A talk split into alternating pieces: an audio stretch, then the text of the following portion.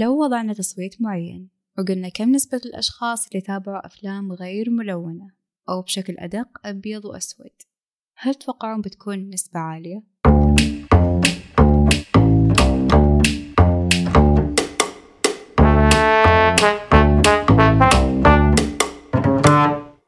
السلام عليكم يا هلا والله مستمعين بودكاست سينيفايل سينيفايل بودكاست تكلم عن السينما والأفلام بشكل خاص وعن المسلسلات والأنمي والترفيه بشكل عام بالنسبة للتصويت بداية الحلقة بالغالب راح تكون نسبة قليلة. كون شريحة كبيرة تنظر الأفلام القديمة على أنها قديمة بمنظور الكلمة نفسها كجودة فنية أو تقنية. لكن لو قلت لكم بأن أساس هذا الفن كان قائم على هذه الأفلام وأكثر الأفلام المؤثرة في الصناعة تاريخيا كانت غير ملونة. بكل بساطة أحب أقول أن الأفلام الأبيض والأسود عظيمة جدا بشكل أو بآخر. معكم ميهاف خلونا نتكلم عن الأفلام الأبيض والأسود. أول فيلم بالقائمة راح أتكلم عنه هو فيلم هاي أند لاو بمعنى القمة والقاع.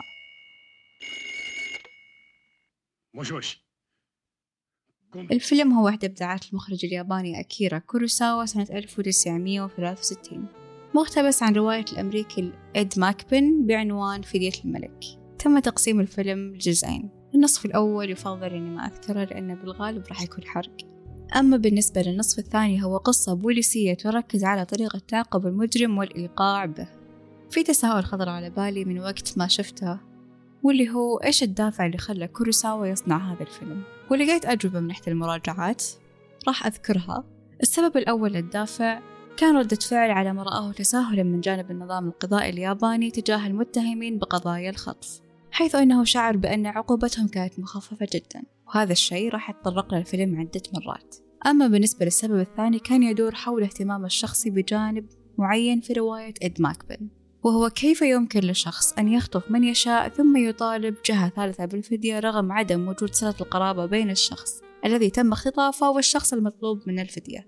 بعد هذه المراجعات أيقنت بأن كوروساوا أثبت لنا بأنه مخرج كبير قادر على خلط الدراما والإيديولوجيا مع الترفيه بكل حرفية. ثاني فيلم بالقائمة هو فيلم Rocco and His Brothers. بمعنى روكو وإخوته.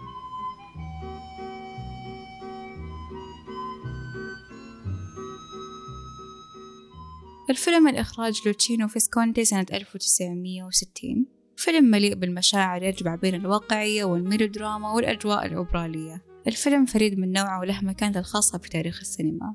يتكلم عن خمسة أشقاء تركوا قريتهم واتجهوا للمدينة من أجل حياة أفضل. يصور لنا الفيلم بصورة عميقة الصراع بين الشقيقين روكو وسيمون حيث أن الأول متسامح جدا والثاني متهور وأناني بعد ذلك يقع سيمون في غرام نادية التي بعد فترة أثناء انشغال سيمون في الملاكمة وقعت في الغرام مع روكو. برضو حابة أضيف نقطة زيادة هذا الفيلم ينتمي إلى السينما الواقعية التي من مميزاتها تصوير الأجواء الخارجية مستعينة بالتصوير البعيد للتوضيح بالتصوير البعيد لكي يتم تصوير حركة المارة والميزة الأخرى نهاية الأفلام الواقعية لا تقدم الحلول النموذجية بالغالب.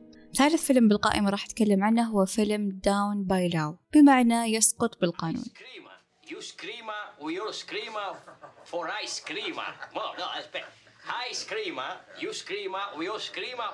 الفيلم من إخراج جيم جارموش سنة 1986 طبعا المعروف عن جيم جارموش أنه مخرج فني جمالي يهتم بشكل الصورة أسلوب السرد أكثر من أي عنصر آخر. وفي المعتاد هو يقدم في أفلامه قصة عادية لكن بأسلوب مختلف وجريء. في هذا الفيلم تكلم عن ثلاث رجال من مسارات مختلفة تماما يجتمعون في زنزانة بسجن بنيو أورلينز. فيلم بسيط في شخصياته وفي حواراته وهذه البساطة أعطته جمالية مختلفة وبصمة خاصة تميزه عن بقية الأفلام. رابع فيلم بالقائمة راح أتكلم عنه هو فيلم The Killers بمعنى القتلة.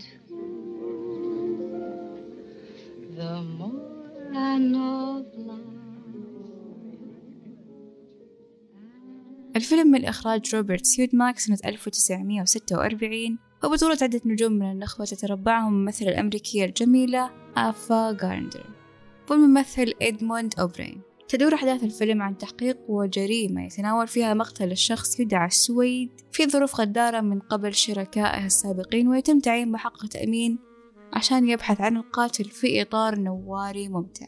طبعا الفيلم معتمد بشكل كبير على الفلاش باك. وحابة أذكر بشكل خاص أن الفيلم ترشح لعدة جوائز منها جوائز الأوسكار لأفضل موسيقى تصويرية وجائزة الأوسكار لأفضل مخرج والسيناريو استنادا جزئيا إلى القصة القصيرة التي كتبها الكاتب إرنست هيمانغواي سنة 1927 وحابة أقول زيادة اللي تابع فيلم 12 Angry Men ونال على إعجابه راح يعجبه هذا الفيلم بكل تأكيد.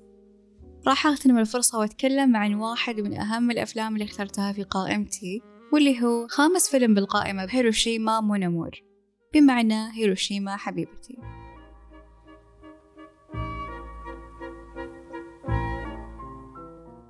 الفيلم من إخراج ألان رينيه عام 1959 هو التجربة الحقيقية لمعنى المعاناة في الحرب والشعور الحقيقي بالحب والتضحية. الفيلم يقدم لنا توثيقا مع سرد روائي رومانسي لأحداث حصلت أثناء إلقاء القنبلة الذرية على مدينتي هيروشيما وناغازاكي في نهاية الحرب العالمية الثانية. قدم الفيلم بقوة في وقت قصير لاستعراض وثائقي لمعاناة الحرب بالنسبة للشعب الياباني.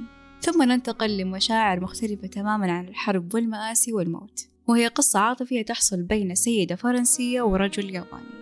الفيلم تحفة فرنسية يابانية خالدة وسارقة للمشاعر.